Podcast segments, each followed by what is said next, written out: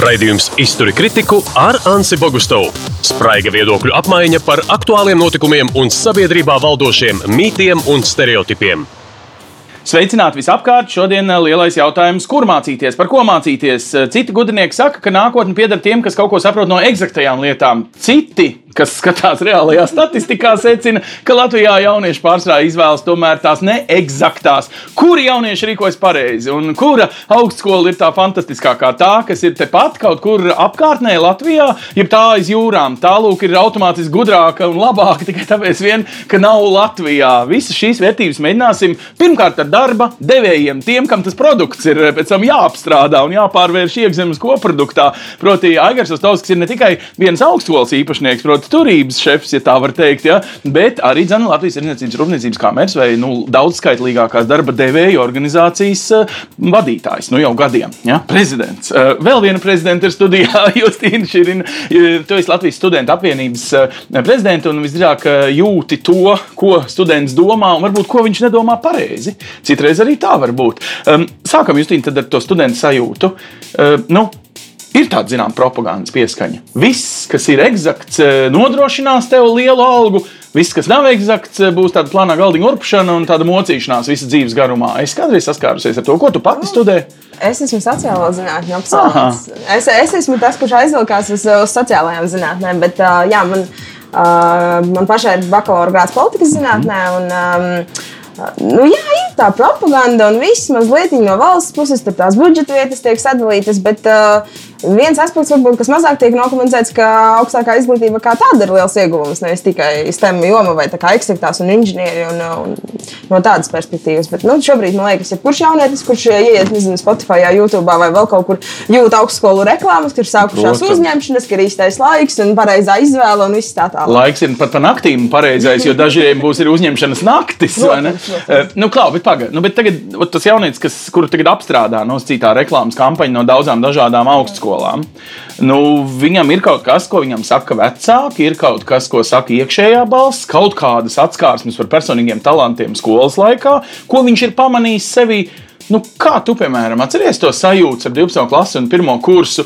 Nu, kā tu klausījies mammu, sevi vai kaut kādu radio gudru onkoli? Man, man pašai personīgi tā bija ļoti smaga izvēle, izšķiršanās, es biju skolēns, kuram padavās ļoti daudzas lietas. Okay. Un, un, un ir, ir skolēni, kas jau nezinu, pamatskolā sāk mm. gatavoties, un nezinu, es būšu mediķis vai es tur gatavošos tam un tam. Un tad, uh, man padavās daudz kas, un, un tad es izvērtēju dažādas programmas. Bet, uh, manuprāt, saskarsmē ar citiem studentiem, kas nu, jau ir pabeiguši, labākais risinājums ir uh, nu, ieklausīties sevi. Piemēram, pirms tam aizbraukt uz atvērtajām durvīm, sarunāt, parunāt ar tiem studentiem, kas tur studē, atvērt augstskolas mājaslapu, apskatīties, kādus kursus tajā studiju programmā pasniegs. Un, bet cik dziļi jāiet viņos, jāizpēta nu ne jau profesora vārds uzvārds, Nē, bet nu, tīri, kas sākumā. būs studiju saturā. Ja? Jā, vai tev patīk tās lietas, vai tas tev saista un interesē, un nezinu, paskatīties, vai tev skolas laikā kaut kas līdzīgs padevās, mm -hmm. vai bija interesants. Nu, piemēram, ja mēs sākām runāt par inženierzinātnēm vai uh, vispār fizika kā tāda, kā tēma tev interesē, vai matemātika. Tad tu varbūt sapratīsi, vai tu vēlies tur doties. Jo... Nemēģināt teikt, no pirmās sajūtas jā, vadīties, bet, drīzāk sev dziļāk paprasīt. Jā, ja? jā. Labi, paprasam dziļāk darba devējiem. Nu, tu, piemēram, izdomā paskatīties tā cilvēka kaut kādu ierakstu Faceitī, ko viņš ir domājis 9. klasē, ko viņš ir domājis 12. kas beigās no viņa ir sanācis, kādā loģiskā ķēdē viņš pats sev kā personību attīst, pirms tu viņu gribi vai negribi pieņemt darbā. Nu, es esmu jau kādu laiciņu no tālāk no tā, ka es kādu pieņemu vai nepieņemu darbā, bet, um, bet um, to, ko jau kolēģi minēja, man liekas, ka um, šobrīd vairāk ir jādomā tiem studentiem, vai kad izvēlās, ko darīt, kas viņam patīk. Jo mhm. ar, ar savu nodarbošanos ir jādzīvo ilgu laiku, un tas ir no vienas puses jādara tas, kas, kas ir sirdī tūs. Un, bet tā otra lieta, kas man liekas, ir mūsdienu pasaulē jāsaprot, tas pats galvenais, man liekas, ir iemācīties mācīties. Jo okay. tie laiki, kad, uh, tie laiki, kad um, cilvēks apgūst kādu profesiju vai specialitāti un nodzīvoja visu mūžu, viņi ir beigušies. Un, ja šobrīd kāds saka, ir stems, ja, tad, tad rīt varbūt būs kaut kas cits, mm -hmm. un, parīt kaut kas cits. Tā, tā viena ir mācīšanās, iemācīties mācīties. Bet, kā, tas nozīmē arī neienīst to, kas tev nepadodas. Nu, nepateikt, ah, man tikai latviešu valoda, man fizika nē. Nu, zin, zin kā, man liekas, ka ir tā, vienalga, ja mēs apskatām kaut vai STEM, jā, protams, šobrīd tās industrijas iet un it kā tas pieprasījums ir paliels, bet ja nu, cilvēkam nu, galīgi nepatīk tas viss, tad viņš, ja viņš skries pakaļ tai darba piedāvājumu un naudai, tur nekas labs nesanāks. Jā.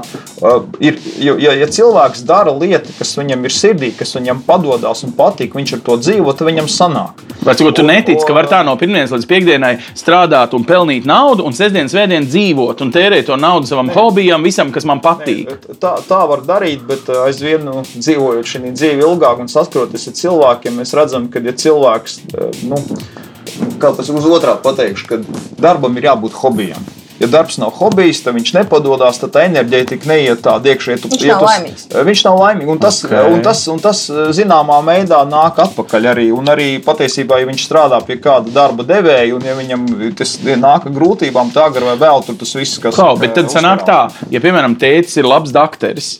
Tad tāpēc vien man nav jāiet par doktoru. Tikai tad, ja man patīk tas, ko tēvs dara, un viņš atnāk mājās, dažreiz nostrādājis vairāk stundas nekā normāls cilvēks strādā. Viņš ir varbūt citreiz nu, kaut kādā kaut kādos jautājumos nelaimīgs, bet toties dzīvību viņš ir izglābis, un tas ir kaut kas pāri vēlmēm lamāt valdību. Katram ir savs, katrā gadījumā man ir trīs bērni. un Es apņemos nevienam bērnam neko neuzspiest, nu, kas tur kā man tā kā patīk. Mm -hmm. Ja, piemēram, es kādreiz eh, bērnībā un jaunībā spēlēju futbolu, tad es tam dēlam nu, ne, nespiedīšu to futbolu. Viņam patiks, nezinu, māksla vai, vai klavieres mm -hmm. spēlēt, vai, vai dejot, vai, vai nezinu, ko darīt. Lai viņš dara tas, kas viņam patīk, lai, lai viņš ir laimīgs. Tas ir pats svarīgākais.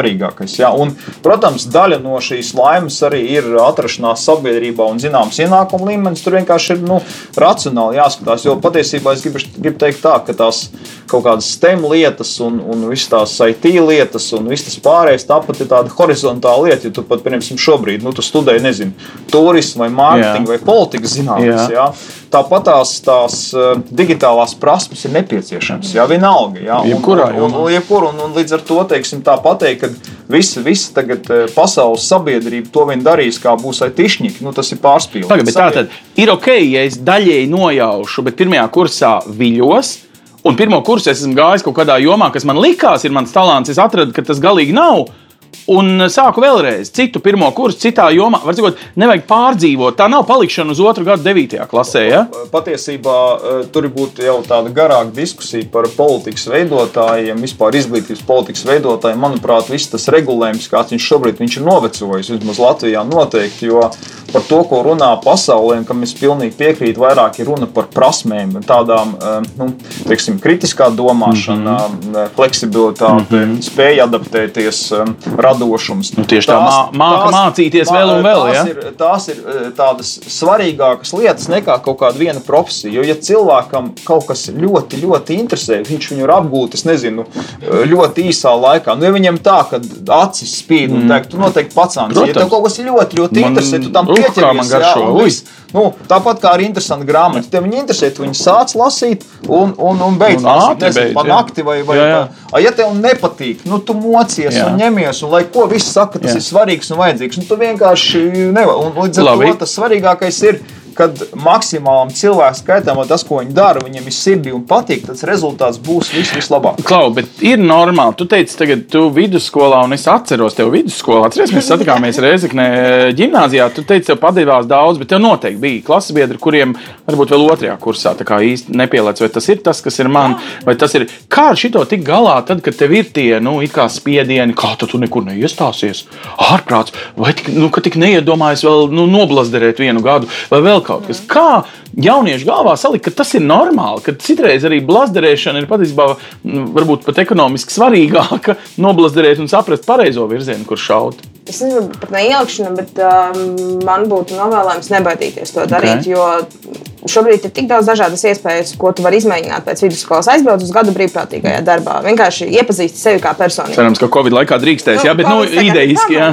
Idejiski, jā, vai nezinu, pastrādā gadu vienkārši kaut kur, lai tev ir iespēja saprast, kas tev patīk, kas tev nepatīk. Jo bieži vien mēs vidusskolā tik ļoti raujamies pēc tā, kas mums ir, nezinu, tas formāts uzliktais, uh, standarts, kurš mums ir jāizpilda prasības, jāiegūst labākas atzīmes, jānoliek centralizēti mm -hmm. eksāmeni, viss, ka mēs aizmirstam paši par sevi. Nu, kā, kas ir mūsu aicinājums, kas ir tās lietas, kas mums uh, sagādā prieku, līdzīgi kā Rustovs kungs teica, kas mums dara laimīgus.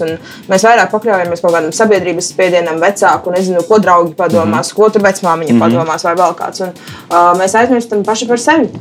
Un, ja tu nejūties gatavs, tad labāk pagaidi gadu, un augstskola nekur nepazudīs. Labi. Un viss kā dzīve. Bet tev nešķiet, ka tu vari pazaudēt dažus kā, inteliģentus draugus, jo tu nekur neiestājies. Tu vari nu, kā, nezinu, apmaldīties. Nu, ko tu, tu gāji nezinu, skolā, ja tu pats nezini, kur tu gribi tālāk studēt? Ir arī spiediens. Ne, ja tu nestudē, tu izkrīti no kaut kāda normāla cilvēku aprites. Tu kļūsti, ko tu tikai te arī paliksi ar savu tikai vai, vai tehnikumu vai vidusskolas diplomu. Bet tas ir piemēram tikai gads. Vai tiešām pasaule apstāsies? Nē. Kaut gan vispār viņa te uz dažiem mēnešiem teorētiski bija apstājusies nesen. Tādā ziņā viss ir iespējams. Tas, tas, tas gan, un, un ir tik daudz paralēli. Citas iespējas ir aiziet kaut kādus kursus, iziet, mm -hmm. iemācīties mm -hmm. jaunu valodu, paralēli mm -hmm. uh, nolikt autovadītāja tiesības, ja tas vēl vidusskolā pēdējā klasē nav izdarīts, un, un pamēģināt kaut ko citu, iegūt jaunu hobiju, un, un sapratīs, uz kuru pusi vējš pūš. Nezinu, pastrādāt kādā nevalstiskajā organizācijā kā brīvprātīgais. Un, uh, Kādā konkursā? Tu tagad man uzskaiti visas tās iespējas, tu taču pati neesi visas viņas izmēģinājis. Tev vienkārši dzīvē nav tik daudz laika. Kā dabūt to nu, sajūtu, ka es tā kā nojaušu, ka es šauju pareizā virzienā, pat ja tas nav universitātes virziens. Līdz universitātei es vēl varbūt tikšu, bet, bet nu, kam tu klausītu vairāk? Draugu padomam, reklāmas rakstiem, foršai mājaslapai, atsauksmēm internetā, draudzenes Facebook profilam. Nu, kas tik viss nav tie avoti? Kā es tagad ielieku visas šīs zināšanas rīcībā? Man liekas, man pašai vislabāk ir strādājis, kad es pārbaudu no kāda, kas jau kaut ko ir pamēģinājis, mm -hmm. vai pat izmēģinu uz sevis, vai nu, palasu atsauksmes. Jo, nu, zinām, mājaslapā mēs vienmēr sevi gribēsim labāk, visdrīzāk pasniegt, vai nu, tam līdzīgi. Un tad ir kaut kādas, nezinu, vai dalībnieku vai kādu citu personu lietotāju atsauksmes, mm -hmm. vai varbūt kāds ir ieteicis kaut ko foršu, un, un tad tu arī sapratīsi, ka tas ir tas virziens, kur tu nezinu, gribi darboties. Mm -hmm. Piemēram, uh, nu, tagad, piemērs no pilnīgi kādas citas sfēras, nezinu, it kā tu domā, o, es varbūt vēlētos, nezinu, kādreiz kļūt par medmāsu vai tā kā mm -hmm. medicīna man saista.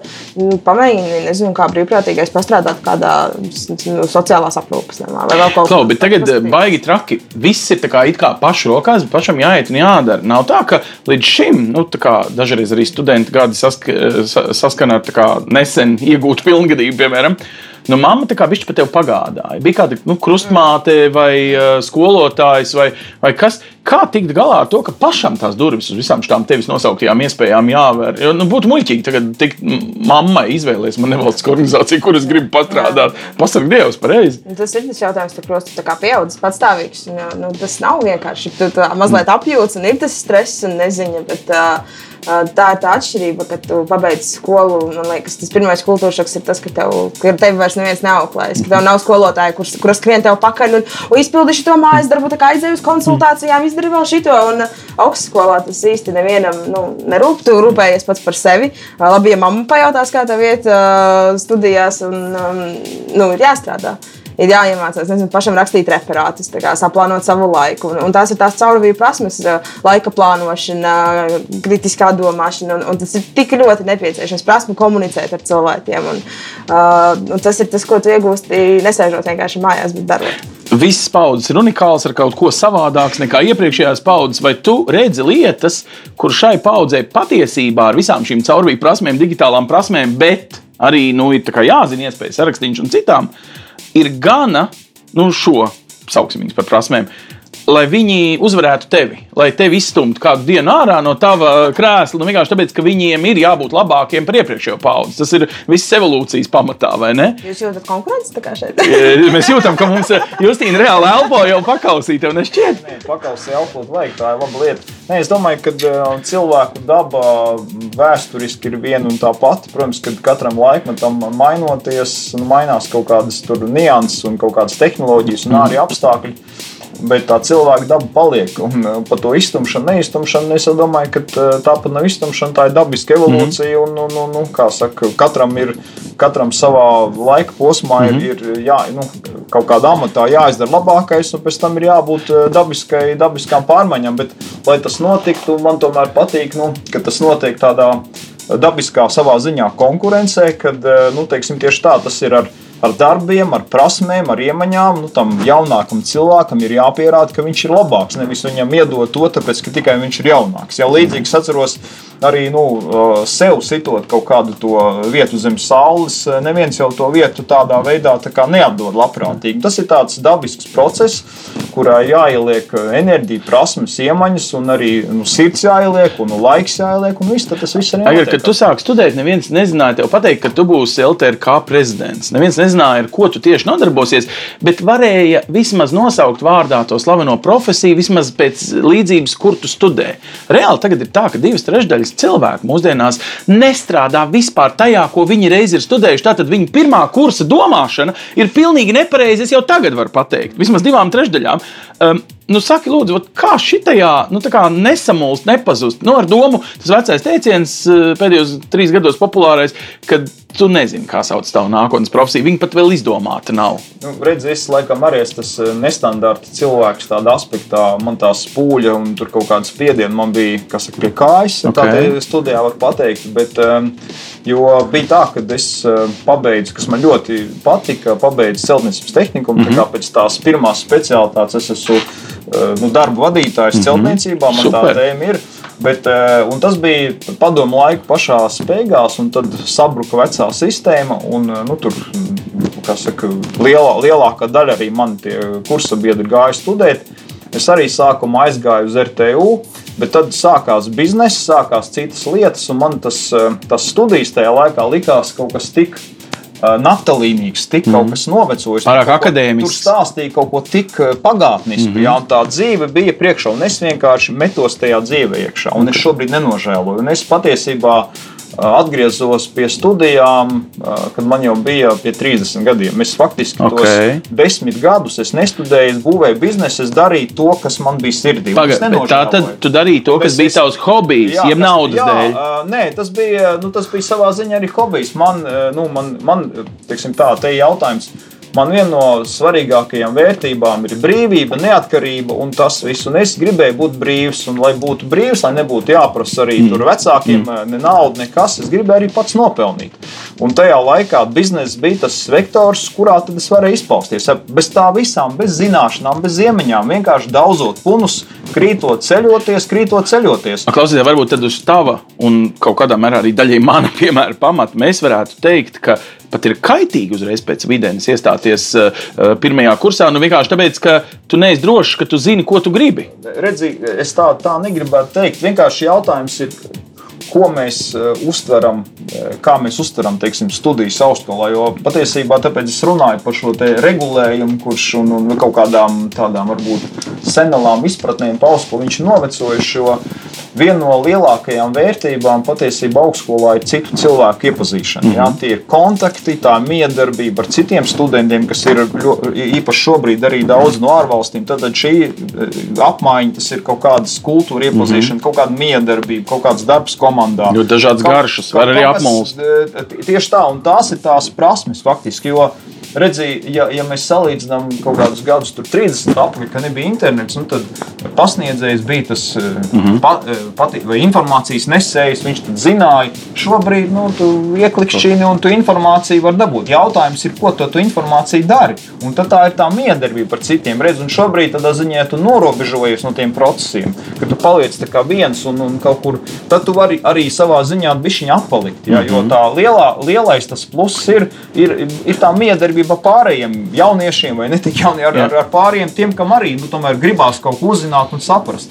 Tad jautājums ir, kā mēs saprotam to austu. Un tāpēc Pa, pa, tas pat, ja tu netrāpi pirmo šāvienu, varbūt tieši tajā nu, profesijā, kas tev mm -hmm. nu, tad pamaini. Nu, vienkārši, bet, bet mēģini sekot tam sirdī, tam, kas tev interesē. Nu, ar, tu ar, no rīta ar kaut ko pamosties, Jā. tev kaut kas interesē. Nu, katram cilvēkam kaut kas interesē. Tad dodies tajā intereses virzienā ja, un, ne, un, un nekļūdīsies. nekļūdīsies. Labi, tu, Justīna, arī gāji intereses virzienā, tev ir politikas zinātņu bakalaura grāds, un tu vari to grādu piemērot savā, piemēram, nevalstiskā nevalstiskā organizācijā. Tu tagad vadīji cik gadus? Trīs, ja? Divus. Divus, trīs gadus. eh, Prezidents eh, teiksim, studentu apvienībā. Drīz tev būs jādod, ja, ja tu neturpināsi studēt, tev būs jādod kādam varas zīles, bet tu iemācījies būt aktīvs. Ja? Mm. Uh, nu labi, mēs tagad zinām, tev ir amats prezidente. No otras puses, nu, tu taču saproti, ka pēc pieciem gadiem tu strādāsi visdrīzāk kādā, ko mēs nevaram nosaukt vārdā. Kas bija tagad tās galvenās lietas, ko tu mācījies? Es, piemēram, iedomājos uzreiz, cik tik var valodas. Jo pasaule būs tik maza visdrīzāk, bet valodas vēl aizvien būs daudz. Nu,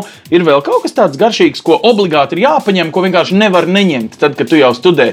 Jo šādā veidā miksējot, tagad ir modē arī tās starpinstitucionālās sadarbības starp dažādām augstskolām, dažādām programmām. Ja tu tad man uzdod tādu jautājumu, man vērtīgākās lietas, ko es paņēmu, ir varbūt nevis kaut kāda zini, teorija, ko, ko, ko grāmatās raksta, bet uh, nezinu, prasme lasīt, prasme mācīties, uh, strādāt ar datiem, meklēt informāciju, analizēt. Un, un tas man noder visur. Nezinu, prasme strādāt komandā, vadīt komandas. Un, tas tev jebkurā darbā noderēs. Tu, lai kur tu strādātu, kāda tipa uzņēmumā, nu, ja tu vēlēsies, piemēram, būt vadītājs, tev, tev vajadzēs kaut kā saprast cilvēkus, mācīt ar viņiem strādāt, risināt problēmas. Um, publiski uzstāties. Un, un tas ir tas, Klausies, šī ir baigā problēma daudziem jauniešiem. Īpaši no jauniešiem viņi pierod rakstīt uh, īsiņas, atzīties mīlestībā caur Facebook, nu, tam līdzīgas problēmas. Tev nešķiet, ka mūsdienās uh, tas skanēs dīvaini, tik vienkārši kā lieta, kā publiskā runa, spēja pareizi elpot, nomierināt sevi un, un nestraukties no pūļa Tas sev ir, priekšā. Tas, es atceros sevi, kā es mācījos. Es, uh, tas ir milzīga kāpšana sev pāri. Ar citiem varbūt tas sanāk mm. dabiski, bet uh, es atceros, man viss pirmais lielais izaicinājums bija kaut kāda vidusskolas sākums. Kad es aizbraucu pirmo reizi dzīvē uz jauniešu saimnu. Tā bija Ok. okay. kaut kāda ceturtā jauniešu saimna. Un tur viss ir tik aktīvi jaunieši. Es esmu meitene no Reizeknas, un man ir tāds, ak, vai.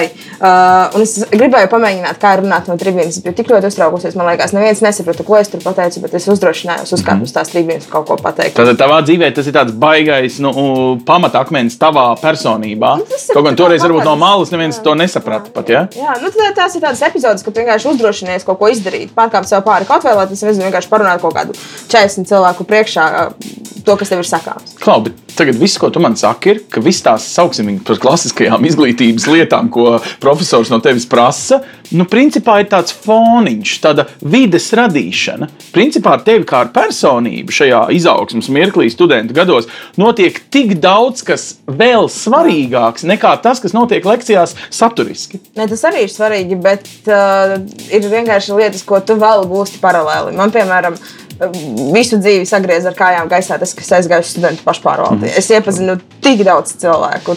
Man šobrīd, pateicoties vienkārši viena tipa organizācija, ir draugi visā Latvijā, vis, principā visās nozarēs. Un, nezinu, tas ir tas kontakti. Cilvēki, tu vari piezvanīt, nezinu, tev vajag jurista padomu, tu vari piezvanīt vienkārši juris, jurisdikcijas mm. studentam. Tev ir veselības problēmas, piezvanīt draugam mediķim. Mm. Un, un, tas ir fantastiski, ko veidot augstskola no šādas puses. Bet, uh, Būtībā tu dabūji tādu tīklošanos, kā agrāk teica, ka tas ir tāds mafijas princips, ka tavi studen- studiju biedri pēc tam kļūst par vienas apmēram valdības ministriem un viss kaut kas tam līdzīgs. Nu, kaut kad pēc 10, 20 gadiem. Ja? Tad, Tik mazām valstīm diezgan iespējams. Klau, un pat pie šīs mazās valsts, Aigar, nu, tu arī esi vienas diezgan jau senas Latvijas, bet privātas augstskolas īpašnieks. Un tu visdrīzāk redzi, ka ir studenti, kur nekad pat neatnāk līdz Latvijas augstskolām. Redzēsim, kā būs šajā sezonā, kad Covid plosās ārzemēs. Ka viņiem liekas, ka tur, tur ārā, tur. Tur ir labāk, automātiski. Vienkārši tur ir, nu, vienkārši tāpēc, ka viņš runā angliski, tāpēc tas profesors ir gudrāks, vienkārši divreiz. Un tāpēc, ka viņš runā latviešu, viņš ir noteikti tā, tā kā, nu, ne tāds, ja, tas profesors. Vai, vai nu, kas nebūtu, kur šis viss radās? Nu, mūsdienās tu taču arī esi normāls Eiropas Savienības valsts uh, cilvēks. Nu, mēs arī, visi, nu, mums principā šis dators varbūt pat kādā citā rāģiņā Rietumē Eiropā ir vecāks nekā šeit. Nu, mēs citreiz pat esam krutāki. Kāpēc mēs dzīvojam tajā vecajā mākonī, ka jābrauc uz ārzemēm obligāti? Ja, nu, tur ir uh, savi kaut kādi racionāli graudi un savs, savs daudz, kas uh, neatbilst. Es kopumā gribētu pateikt, ka nu, tā uz tāda pasaules līmeņa Latvijas augstskolas ir, ir tīri ok. Protams, nu, ja mēs paskatāmies tīri objektīvi, nu, pieņemsim kaut kādā, nu, nezinu, top 20, top 30, tās pašas Amerikas vai Lielbritānijas augstskolas, nu, tie budžeti, kas, kas tur tiek investēti, nu, viens otrs ir lielāks kā Latvijas valsts budžets. Tad, protams, par par to naudu, nu, tas, kas arī notiek, tur var nokontraktēt, nezinu, Nobel prēmijas laureāts un līdz ar to kā, koncentrēt nu, maksimāli pasaules to, nu, saka, zinātnes vai kaut kādu jomu elitu. Bet nu, pasaulē ir augstskolu skaits ir, ir tūkstošos. Un, un tad nu, teiksim, jā, ir šīs te superelitārās augstskolas, kas tiešām ir, ir, ir, ir objektīvi, tāpēc ka tās investīcijas ir milzīgas. Bet tas viss pārējais, es gribētu teikt, jā, tur ir dažādi reitingi un, un, un atkal te jāskatās, redz, virkni augstskolas orientējās vairāk uz zinātnē, tur ir kaut kādas tādas lietas, piemēram, tur runā par turību. Mēs no pirmās dienas, turībai 27 mm -hmm. gadu, mēs vienmēr esam orientējušies uz praktiski pielietojamām zināšanām. Jā. Un, eh, un vēl viena lieta ir, redziet, Tad, kad eh, nu, sabruka padomju simts, veidojās mm. jauna sistēma. Tajā brīdī nu, nebija arī tik daudz pieredzes ne par uzņēmējdarbību, ne par ko šobrīd ir izveidojusies. Un, un, piemēram, arī mums eh, nu, ir, ir, ir mācību spēki, kas ir izveidojuši uzņēmumus, kas strādā starptautiskus uzņēmumus. Un mums arī ir nu, ārvalstu pasniedzēji. Nu, šobrīd es gribētu pateikt, ka apmēram tas līmenis ir līdzīgs. Un vēl virkni augstskolām Latvijas šobrīd ir sadarbības augstskolas citur. Nu, apmaiņas programmas. Ir būtībā pat dubultie diplomi. Citreiz tu vari dabūt diplomu abās valstīs. Patiesībā, un, un tas eh, finālā tas izšķirošais ir konkrētais cilvēks. Jo Viss ir atkarīgs no viņa aktivitātes. Principā, ieejot jebkurā augstskolā, tu esi aktīvs. Tu vari izdarīt mm. tur, tu vari būt aktīvs studentu pašpārvaldē, tu vari darboties lielajā Latvijas mm. pašvaldē, tu vari darboties starptautiskās organizācijās, tu vari braukt apmaiņas programmās, tu vari studēt ārzemēs, caur Latvijas. Nu, principā, tev jau ir plāns desmit gadiem jau gatavs. tu vari rosīties un, un tādas tur žēlabs, ka te kaut kas ir slikti, te kaut ko nevar. Un tas ir vienkārši konkrētā, stu, konkrētā cilvēka tāda pieeja dzīvē mēs sākām ar to mirkli, ka drīkst būt šaubas pirmajā kursā, un tad ir tā sajūta, ka, ja tu pats nezini, ko tu gribi, bet tu jau dodies, un ciries, tas ir arī dārgāks uh, virziens, uh, tās ārzemes, ka varbūt kā ārzemes ir kaut kāds nākamais, es nesaku tikai maģistra mirklis, varbūt ir bakalaura beigu mirklis. Proti, ka ja es vēl šūpojos un meklēju sevi, pareizāk braukt uzreiz uz ārzemēm un izaicināt sevi pavisam prom no mammas leduskapja un nabas saites, jeb um, nu, palikt, saprast, noformulēt virzienu. Un... Nu, nav viens recepts, Ants, tas ir eh, līdzīgi kā sportists. Nu, piemēram, ar salīdzinām ar kaut kādu NBA vai NHL. Ja? Nu, tur citi uzreiz aizšauja un ir veiksmīgi, citi paspēlē Eiropu. Un līdzīgi arī šeit. Viens vispār kādu gadu vienkārši paklīst, Jā. padomā, ko darīt. Tas šeit sāk Latvijā studēt, pēc tam aizbrauc uz ārzemēm. Cits jau ir skaidrs, zina, nezinu, desmit gados, ka viņš brauks uz tur kaut kādu, nezinu, Cambridge, jā. jā, viņš ir nomērties un trāp. Līdz ar to tādas vienas receptes nav, bet arī šajā sakarā es uzskatu, ka nu, jābūt pašam. Mēs jau e, tajā raidījuma sākumā runājam, manuprāt, tas pats svarīgākais ir, ka jo ātrāk šis jaunais cilvēks iemācās pats pieņemt lēmumus, mm -hmm. jo viņam dzīvē kļūst vieglāk. Tas ir ļoti grūti, tas moments. Nu, atrauties no tās nabas saites, no vecākiem vai vecvecākiem, vai tur. Bet tad, kad viņš sāk saprast, ka es pieņemu lēmumu, un šim lēmumam ir sekas, un ja viņš saprot arī to algoritmu, ka tie lēmumi ir veiksmīgi, nu, tad viņš, e, tad viņš nu, sāk kā, saprast, cik. Arī cik... laicīgi iemācās nocirst, ja viņi ir neveiksmīgi, ne, vienkārši beidz to. Ne? Saprat nepareizs lēmums, bija izanalizēja, kritiskā domāšana, tātad, un to Jā. lēmumu, bet viņš pats pielēma. Un arī tad atbildība, ja tu pieņem lēmumu, tu pats atbildi. Tu nesaki, valsts vainīga, vai mm. mamma vainīga, mm. vai kāds draugs vainīgs. Nē, Viss ir atkarīgs no paša personīgi. Mans lēmums, neviens jau neviens nespēja tev iet uz juristiem vai uz, vai uz Klausies, runājot par visādām mamām un tētiem, viņu lēmumi citreiz tiek nopirkti. Es tev apmaksāšu mācības. Tu esi pamanījis kaut kādu atšķirību, ka tu pats nopelni un liec uz to lēmumu, to savu likmi, savu daļu no algas ieguldi savā izglītībā. Jeb ka tev, tā teikt, mammas konts regulāri, at, nu, un tad, tad tā tomēr ir tāda regulāra piešķirta, tāda subsīdija. Viņa vienmēr ir varbūt veselīga. Kā, ir kaut kāda atšķirība tavos novērojumos? Noteikti ir atšķirība, bet es vienmēr esmu um, tāds īsais stāsts. Man bija klases biedri, ne vecāki. Īsajā stāstā mm. tāds, respektīvi, uh, Zviedrijas labi situēta ģimene, okay. kas kaut kāds 25 gadus atpakaļ. Un uh, vecāki uzdāvināja 18-gadīgam uh, dēlam mm. divus atslēgu komplektus. Viens ir dzīvoklis un kaut kāda 10-gadīga mašīna. Mm -hmm. Teikts, kas saka, dodies savā Ah, tā kā pazūdi ja, no mums, tā kā nams saiti. Jā, jā, mēs esam vecāki, mēs tur šādi mm -hmm. satiekamies, bet tas ir tas mm -hmm. veids, tad, tad, tad, manuprāt, ir ļoti svarīgi vecākiem, jaunieti nu, līdz kaut kādam pilngadībai kā, nu, palīdziet mm -hmm. viņam izaugt, mm -hmm. bet tad arī skaidri jau teikt, klausies, tev no tādas kaut kādas dienas ir jāsāk dzīvot savu patstāvīgā mm -hmm. dzīvi. Un jo viņš ātrāk sapratīs šīs patstāvīgās, jo nu, vecākiem, manuprāt, nav pareizi, ka viņi dzīvo bērnu dzīvi. Ja? Nu, jo katram ir sava dzīve. Nu, kā? varbūt, varbūt es esmu mediķis vai, vai, vai IT-šnieks specialitāte laimīgs, bet bērnam patīk māksla. Nu, tad, lai viņš Super. nodarbojas ar to, kas viņam Vai nopērk odas, odas vai ne? Sab, e, Justīna, es nezinu, kāpēc te pa Sabīnu nosauc ātrumā. Tu saproti to atšķirību starp pašu nopelnīt naudu un vecāku, nu tā kā gandrīz, es teiktu, nopirkt citreiz izvēli. Viņš saka, es tev maksāšu, ja tu ies uz mediķiem, un es tev nemaksāšu, ja tu ies uz tiem pinzelētājiem, ja? Nu, es nezinu, man pašai dzīvē ļoti, es, man ļoti sakrīt tas domu gājiens ar to. Jo es, eh, es arī, nu, es, kad iestājos studijās, es sapratu, ka es vēlos pats tā kā kulties uz priekšu un, un, un nebūt atkarīga no kāda. Un, un, kā būs, būs, bet es tikšu galā. vajadzēja Tad tu sākumā pat meklēji darbu, nevis Man universitāti. paveicās, es tiku pie stipendijām. Man Ok. okay. pirmo kursu varēja veiksmīgi izdzīvot es ar, ar stipendiju atbalstu. Un, um, un tad, uh, man, man bija vieglāk, bet es arī pēc tam sāku strādāt. Un, un, nu, nodzīvoju trīs gadus, ko es sakrāju, mm -hmm. tam, lai es varētu atļauties, piemēram, īrēt dzīvokli. Bet, mm -hmm. bet tas ir viss uz maniem pleciem, un tā ir mana atbildība par maniem lēmumiem, par manām rīcībām. Klausies, kā tu to atbildību sabalansēji? No vienas puses, tu gāji mācīties, izkopt sevi, sasniegt savu diplomu, darīt to, kas ir tavs unikālais mm. piemērs un ko, bet vienā brīdī parādās tas darbs.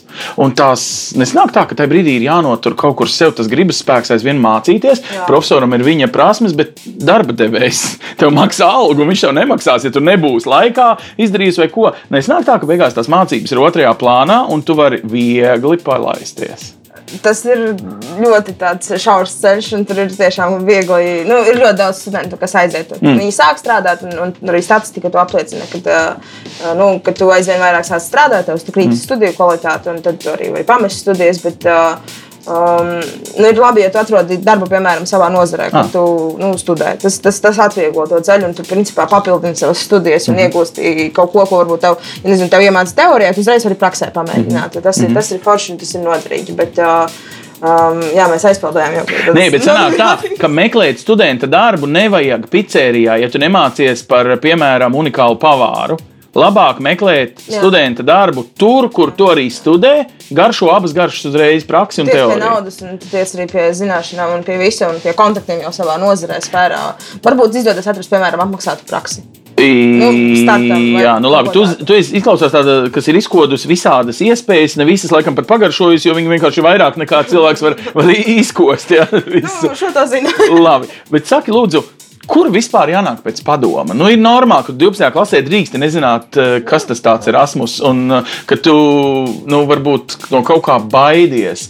Jūs, piemēram, studenti pašpārvaldē tieši tik vienkārši sarunas uz divāniņa mazajiem par zvēriņiem, tā teikt, no nulles arī varat izskaidrot. Protams, nu, ja negribas protams. mammai prasīt. Nē, protams, tā kā es, eh, es pati atceros, es ļoti daudz ko nezināju, kad es nācu studēt. un Es eh, vienkārši eh, pieteicos mentoru programmai savā augstskolā, ka tie vecāko kursu studenti, kas ir gatavi nezinu, atbildēt uz jebkuru stulbāko jautājumu, kas tev ir. Nezinu, kas ir labākā vieta vecrīgā, kur aiziet ar draugiem pasēdēt, vai kā, pie kura pasniedzēja ir vairāk nezinu, tur jāgatavojas, Ok. okay. Vai nu, tur, ku- kur nevajag kavēt lekcijas, un, eh, vai nezinu, eh, līdz cikiem var dienas viesnīcā tikt iekšā. Vai, nu, viss, viss dīvainākie, viss parastākie jautājumi. Un, un mēs jau esam cilvēki un nebaidamies viens otram palīdzēt.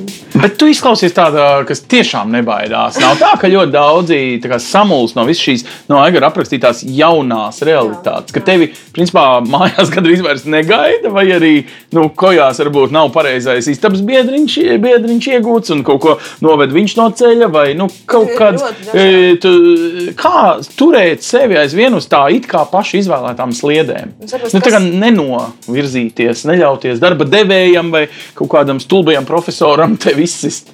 Nu, man tā nav unikālas receptes, kā, kā tam tikt cauri, bet uh, mans ieteikums varbūt ir saprast. Uh, Labi, pieci gadi ir tāds jau gan ilgs periods, un ļoti daudz kas piecos gados var mainīties. Bet vismaz nezinu, tādu trīs gadu perspektīvā neizmirst to lielo mērķi, kāpēc tu esi aizgājis studēt. Vai, kā, kas ir tas, ko tu gribi darīt? Mm -hmm. Vai tiešām tu uh, gribi pēc trīs, tu gribi pēc trīs gadiem būt nezinu, jau speciālists, piemēram, ar bakalaura grādu, vai arī tu pēc trīs gadiem vēl joprojām gribi strādāt McDonald's? Nu, jā, nu, diezgan skaidri atbildēts. Jā. Kāpēc tu ej uz universitāti, ja tu domā par aizvien McDonald's? Man liekas, pat McDonald's menedžerim nav obligāti būt ar bakalaura grādu. Tas bija viens no piemēriem, jebkura no kaut kādiem studentu darbiem. Bet tagad uh, viens ir tā izaugsme, viens ir mans prasmju līmenis, otrs ir manas ambīcijas. Citreiz viņas nevienmēr ir sabalansētas. Es esmu daudz no darba devējiem dzirdējis, ka atnāk jaunietis, uh, principā viņš nevar pat lāpstu pareizā satvērienā turēt Viņš nav vēl ieracis, bet jau prasa vismaz uh, pusdienu pauzi, ja ne divreiz lielāku algu nekā fiziski kāds cits, varbūt ar pieredzi. Uh, kā šito sabalansēt? Kā jaunietim pirmajā sarunā ar darba devēju nu, sākt vicināties, ka es esmu pirmā kursa students, starp citu, uh, vai, vai vēl kaut kādas muļķības, jeb, jeb paslēpt savu iepriekšējo Facebook kontu, kurā ir kaut kāds. Kā, kā notiks tas viņa mirklis kaut kur parasti pirmā kursa otrajā pusē, vai ne? Nu, kad viņš reāli aizies pie darba devēja, un tad sāksies vēl cita reālā pasaule.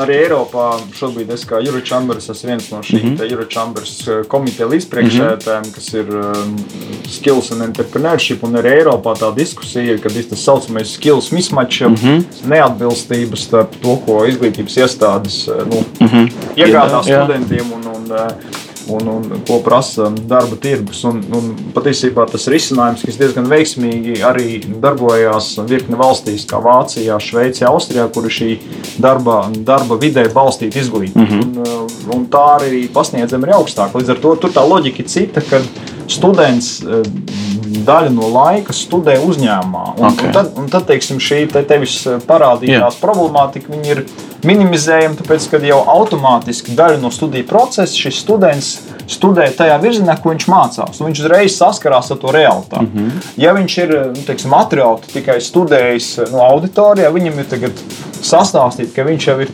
tāds jau mega speciālists, jā, un viņš tur tagad visu zina. Viņš tagad ierodās un saka, man te pusdienas laiks, un es visu zinu. Tad ir, tad ir tā, tā, tas patiesības mirklis iestājās. Jā, un, tad, protams, ka tas darba tirgus nu, noliek to situāciju tur, kur ir. Protams, es, es esmu vienmēr par to, ka ir jābūt nu, cilvēkiem ar ambīcijām, ar, ar lieliem tādiem, bet tad arī varbūt tādiem. Nu, īpaši ambicioziem cilvēkiem viņiem varbūt jādodas ir veidot pašiem savu biznesu. Ja? Ah, okay. Jo, jo, jo nu, jā, jā. Ja, tev ir, ja tu pilnīgi zini, kā darīt, un visi šie darba devēji neko nejēgas, ir uztaisa uzņēmumu un šo te uzņēmumu izkonkurē vienkārši. Ja? Nu, eh, nu, nu, te, te tas Paga, moments, bet, ja? bet tagad bet, uzmanīgi, bet, bet tu vēl teorētiski pat visu teoriju biznesa nu, radīšanai ok, to var atrast internetā, bet noturēt, nu, kad ir kaut kādas krīzes, nesadegt, nebankrotēt to internetā mazāk var atrast. No tā visa paudze, ko arī tā skaitā es pārstāvu. Nu, man 90. gada sākumā bija kaut kāda 18, 19 gadi. Mm. Jā, es saku, es arī visu savu uzņēmējdarbību sāku bez kaut kādām ziņāšanām, bez kaut kāda interneta. Jā, jā krita cēlos, bija puni, viss kaut kas bija 90. gadi, bija visādi nu, vēl tur bandīti, nu, vēl kas tur bija. Jā. Bet reka izdzīvojam. Nē, tāpēc arī šī tēmā nav tāda viena, viena formula. Varbūt tāda rekomendācija tomēr ir, ja jaunais cilvēks nu, aiziet uz savu pirmo darbu vietu, kur nu, vienkārši te jautājums par tādām nu, komunikācijas Jā. prasmēm. Nu, nevajag uzreiz nu, nākt un es te tagad visu nu, vienkārši Jā. Darīt savu lietu. Ja viņš redz kaut ko savādāk, nu, varbūt izteikt, piedāvāt. Un tieši tā, ja tas viņa varbūt darba vadītājs vai darba devējs ieraudzīs viņā kaut kādu tādu īpašību komplektu, viņš iespējams viņam vai nu sāks maksāt, vai viņa teiks, klausies, nāc strādāt pie manis, varbūt uz puslodes. Līdz ar to tev jau arī kā, nu, kā cilvēkam, kā jaunam cilvēkam, ir sevi tādā labā ziņā jāpārdod jā. savas, savas iespējas. Nevis ar tādu agresīvu nākt, jā, bet ar, nākt ar tādu nu, savā ziņā tādu nu, emocionālu inteligenci. Jā, tajā tajā sakāt, mikrofonu sākt nākt tāda emocionāla inteligence tajā darba, darba vietā. Aigar, bet tagad tā, tu esi divi vienā. Tu esi gan no augstskolas, un lūk, no Eirochambera jūs domājat par šo inovēt spējīgo, radīt spējīgo, motivēto un tādu cilvēku nākotnē. Un vienlaikus, nu, kā darba devēju pārstāvis, tu visdrīzāk redzi, ka cilvēki ej, nu man maksā algu reāli. Tur man prasa kaut ko darīt, un vēl naudu prasa. Ka dažreiz tā kā sajūta vērtību sistēma, es it kā gāju sākumā studēt, tad, kad es dabūju darbu, darbs kļuva svarīgāks, un tad es lēnām atmetu to izglītību. Kā tev liekas, gudrinieks cīnīsies cauri visam? Galu galā mīlestība vēl var nākt klāt, vēl uh, vispār čau!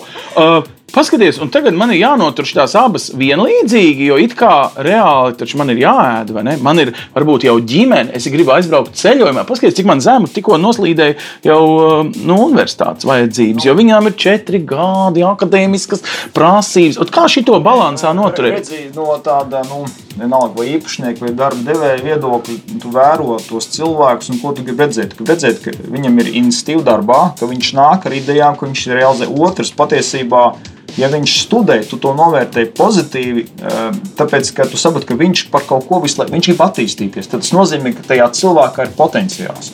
Nu, un, un savukārt, eh, mīlestība parasti ceļš pārnos. Jā, jā taisnība, taisnība. Tas ir liekas stundu, ne, nepagulēt, jā, bet tas viss būs. Tā kā tas, kas vairāk ir tieši tā, ka ir, ir, ir nu, kad no cilvēka nāk šī enerģija, šīs idejas, ka viņš kaut ko vēl meklē, vai studēt, vai kaut kādas kursus, tad darba devējs vienmēr tādu jēdzīgu mm -hmm. darba devējs mēģinās tādu noturēt. Ja mēs arī paskatāmies nu, uzņēmumus, kas ir izdzīvojuši ilgi, patiesībā tas pats īpašnieks viņš jau neko nevar izdarīt, vai tur vadītājs. Jā. Tas ir komandas darbs, un viņa uzdevums ir sapulcināt šādus cilvēkus, kam ir iniciatīva, kas grib attīstīties, un tad, tad arī šie gudrie, talantīgie cilvēki uzņēmumu notur un attīstīja. Labi, tagad uh, man sanāk tā no šīs dienas sarunas, ka, ja es tagad meklētu augstskolu, man jāskatās uz tiem, kas piedāvā faktiski nu, pusi no studiju kursiem noturēt uz vietas tajā uzņēmumā. Nu, tad praksi ar studijām daudz vairāk kopā kā līdz šim. Man sanāk, ka varbūt nevajag pirmajā kursā pat pārdzīvot, ka tu esi šāvis un šāvis nepareizi. Rauj vēlreiz. Uh, kas vēl man sanāk, kas jums liekas, ir šai? Nu, paudzē šim laikmetam, starp citu, arī Covid laikmetam, svarīgas lietas, ko vienkārši nu, jā, nu, nebaidīties eh, pieņemt lēmumu, pieņemt, eh, darīt. Nu, te, piemēram, Rīgas Tehniskās Universitātes eh, rektors pirms pāris dienām saka, hei, šogad varbūt būs vairāk studentu Latvijā. Neskatoties to, ka demografiskā krīze, jo daudz neaizbrauks uz ārzemēm. Nu, tad varbūt arī noņemt no sevis kaut kādus aizspriedumus par tēmu, ka um, Latvijā nebūs tas, nebūs tā garša, nebūs tie sasniegumi. Nu, kas būtu, jūsuprāt, tāds normāls domāšanas algoritms vai komplektiņš cilvēkam, kas tagad, un tagad, o, tieši šajās nedēļās, ir jāizdara tā izvēle, uz kurien doties. Galu galā ārzemes varbūt tikpat labi vienam otram ir Reizekne vai Daugopils, kur viņš nekad nav bijis savas dzīves laikā. Brauc uz turieni studēt. Mehatronika Reizekne viena no lepnākajām uh, spējām. Tieši tā, nu, man liekas, tu jau ļoti labi apkopoji tās nianses. Un, uh, nu, varbūt ne tagad izdarot šo izvēli, bet arī paņemt līdzi tuvākajiem mēnešiem nezinu, gadiem ir svarīgi, ka nu, nebaidies kļūdīties. Nu, tā kā kļūda ir labākais, kas ar tevi notiks, okay. jo tu tajā brīdī iegūsi jaunu pieredzi, un tu visdrīzāk, ja tu nebūsi grābeklis, tu vairāk tā nedarīsi, un tu attīstīsies, tu augsi. Un, un, uh, un tas būs uh, varbūt pat labākais, kas ar tevi ir noticis beigu beigās. Bet uh, tas būtu viens. Otrs par augstskolu, ko mēs nepacēlām. No. Mēs ļoti pavilkāmies uz to praktisko pieredzi. Nu, jā, nu, jā, jā. Tā, nu, nu, nu. Bet, bet ir vēl otrs virziens, ir akadēmiskā karjeras zinātne, ir pētniecība. Un, nu, un tur, tur tev vairāk noderēs šīs praktiskas nu, zināšanas, un tu spēsi tur iedarboties. Bet tas nav tas līmenis, ka tu jau domā par nu, būtībā maģistru, un tad varbūt jau štuko par doktorantūru pēc tam. Arī bakalaurā, ja ir vērts aizdomāties par to, ka es vispār gribu strādāt uh, ar mēģinēm un laboratorijām. Man varbūt patīk balts ķitelis. Profesors un tā kā okay. nezinu, izsisties cauri un, un kļūt par zinātnieku un beigās dabūt Nobela prēmiju. Bet, oh, uh, cerams, tas būtu pirmais latviečs, kas dabūtu. cerams, ka tieši šogad viņš sāk studēt. Jā, jo atkarībā no studiju jomas arī tā iesaistas līmenis. Piemēram, citur ir normāli, ka tu maģistrus sāp pētniecībā iesaistīties. Nezinu, piemēram, man draugiem medicīnas studijās, bakalauros, tā ir obligāta prasība, lai vispār kaut kur tālāk rezidentūrā tiktu, ka tev ir mhm. jābūt nezinu, pētījumiem, kaut kādām publikācijām. Un, nu, tas ir vēl viens ceļš, par ko nevajadzētu aizmirst, tā ir iespēja, un tā ir nu, ļoti interesanta pieredze dzīvē. Un uh, trešais.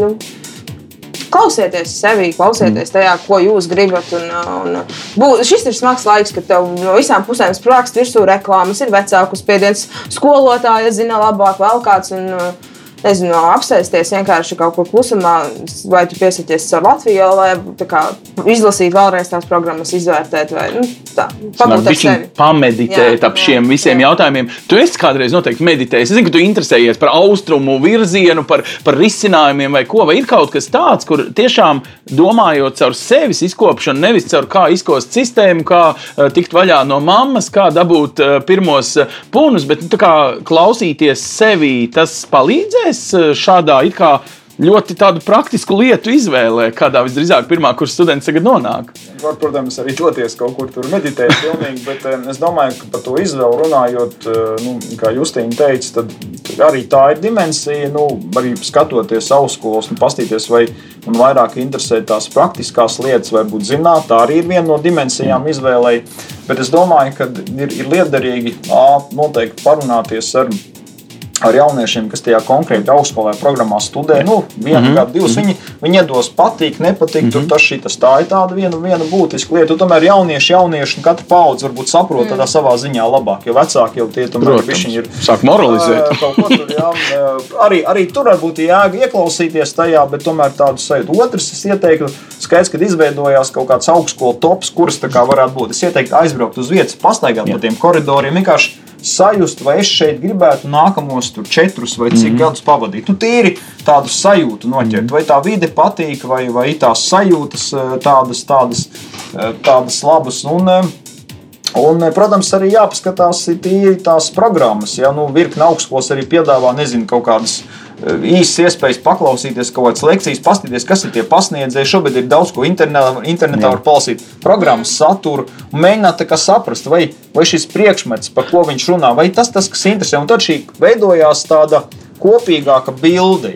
Paklausies, bet tu man viss stāsti, ko es kā cilvēks gribu. Es tev tur aizdomās, kā darba devēja, ka tu jau tāpat pastīsies, vai es esmu to uh, kaut kādu, nu, vienalga, medicīnu studējis tajā, tajā, tajā vai tajā augstskolā. Ka būs arī tāds, zini, nu, tā kā neskati vīru no cepures, bet kādā krāsā ir tava cepure, kurā augstskolā tu mācījies. Jā, jā, jā, tu mācījies kaut ko ļoti gudru, bet nu ne tajā augstu. Nu, ko tad tu tagad, tagad man uh, ir, ir kaut kas tāds arī vēl darba devēja? Gribējos? Nu, var jau būt, ka eh, kādā noteikti ir, bet eh, kopumā es, es protams, um, teiktu tā, ka, ja tu, protams, atnāc ar kaut kādu top tur, pasaules mm. augstskolu diplomu, tad, tad, tad, automātiski durvis atverās. Ne, tad, tad, ne, tad pirmā brīdī tu iegūsi priekšrocību okay. gaļiem. Varbūt, bet tas ir pirmā brīdī, kaut gan patiesībā mēs, e, arī man ir gadījies saskarties, kad at, atnāk turiens un it kā baigie papīri, bet patiesībā ir kā ir. Jā?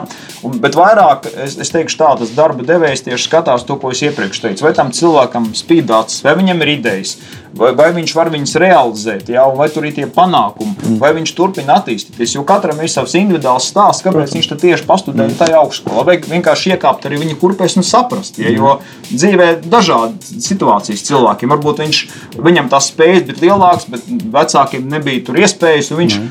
vispār saka, atlika pēdējo un kaut ko izstudēja. Ja, vairāk ir vairāk darba devējs skatās uz to nu, spēju kaut ko izdarīt un spēju attīstīt. Tad, zināk, ja es sevi kā cilvēku izkopju šajā mirklī, kad esmu students, principā es sev piepildu. Es neesmu tā muk, tukšā muca, kas tālu skan, bet nu, tāda pilna, un tad jau redzēs, kur vai nu traumas, nu, dzīves trauma nes, vai nu, darba devējs man noķeksē nu, kaut kur malā. Arī par to pašu lēmumu pieņemšanu. Tā viena no lietām ir, nu, no tāda, es jau teikšu, no vadītāja viedokļa. Mm -hmm. Man e, neinteresē, kad kāds darbinieks atnes problēmu. Man interesē, kad atnes risinājumus. Un te ir jautājums arī par to lēmumu pieņemšanu. Jo ātrāk cilvēks dzīvē iemācās pieņemt lēmumus, ja arī darbā viņš pieņems lēmumus. Viņš nenāks, oi, zini, man tur ir tādas grūtības. Nu, tad vadītājs teiks, nu, tad man vajag kādu, kas viņas risina. Mm. Arī man arī ir tur simts grūtības. Jā. Nāca ar risinājumu, piedāvā risinājumu, pēc tam es akceptēju, un tu teiksi, to dari. Un tad mēs kopā skatāmies, kā tur ir sanācis. Un jo tas viss aiziet, jo tad šī lēmumu pieņemšana patiesībā un arī pieņemt lēmumu, kur es studēšu, mm, tas Liels ir viens lēmums. no dzīves lielākajiem lēmumiem. Mm. Un ja tas cilvēks jau tajos 11 gados to iemācās, viņam tas noderēs uz visu mūžu. Un turklāt paturiet cienījamie radioklausītāji, prātā tas ir jūsu, viens no pirmajiem dzīves jūsu lēmumiem, nevis kāda cita vai kāda cita ietekmēts lēmums. Es ceru, ka jūsu ieteikumi palīdzēs kādam sakārtot domas un tagad tikai iet cauri visam tam, uh, kas pa piedāvājumu šobrīd ir Latvijā, un, un izbaudiet to un, un, un pieņemiet pareizo. Un pat ja nepareizais, tad viņš patiesībā ir vēl lielāka mācība, kā Justīna tikko teica, nekā tas eh, superpareizais ar pirmo eh, šāvienu. Lai jums izdodas atrast eh, pareizo, mēs par jums domāsim un ceram pēc nedēļas atkal sagaidīt ar kādu citu svarīgu tēmu šeit, EHR ēterā. Mūs, starp citu, var padot arī tālāk ļoti viegli, ja šis podkāsts noderēja jums, gan arī kādam jūsu uh, draugam. Uh, un uh, kopumā EHR tagad ir uzsākuši tradīciju tikt ar salīdzinoši sarežģītiem um, jautājumiem galā tādā nu, vienkāršākā sarunā, un dažkārt tieši tāpēc arī mēs te esam, cerams, arī jums noderīgi. Uz redzīt, paldies! Projektu finansē Mediju atbalsta fonds no Latvijas valsts budžeta līdzekļiem.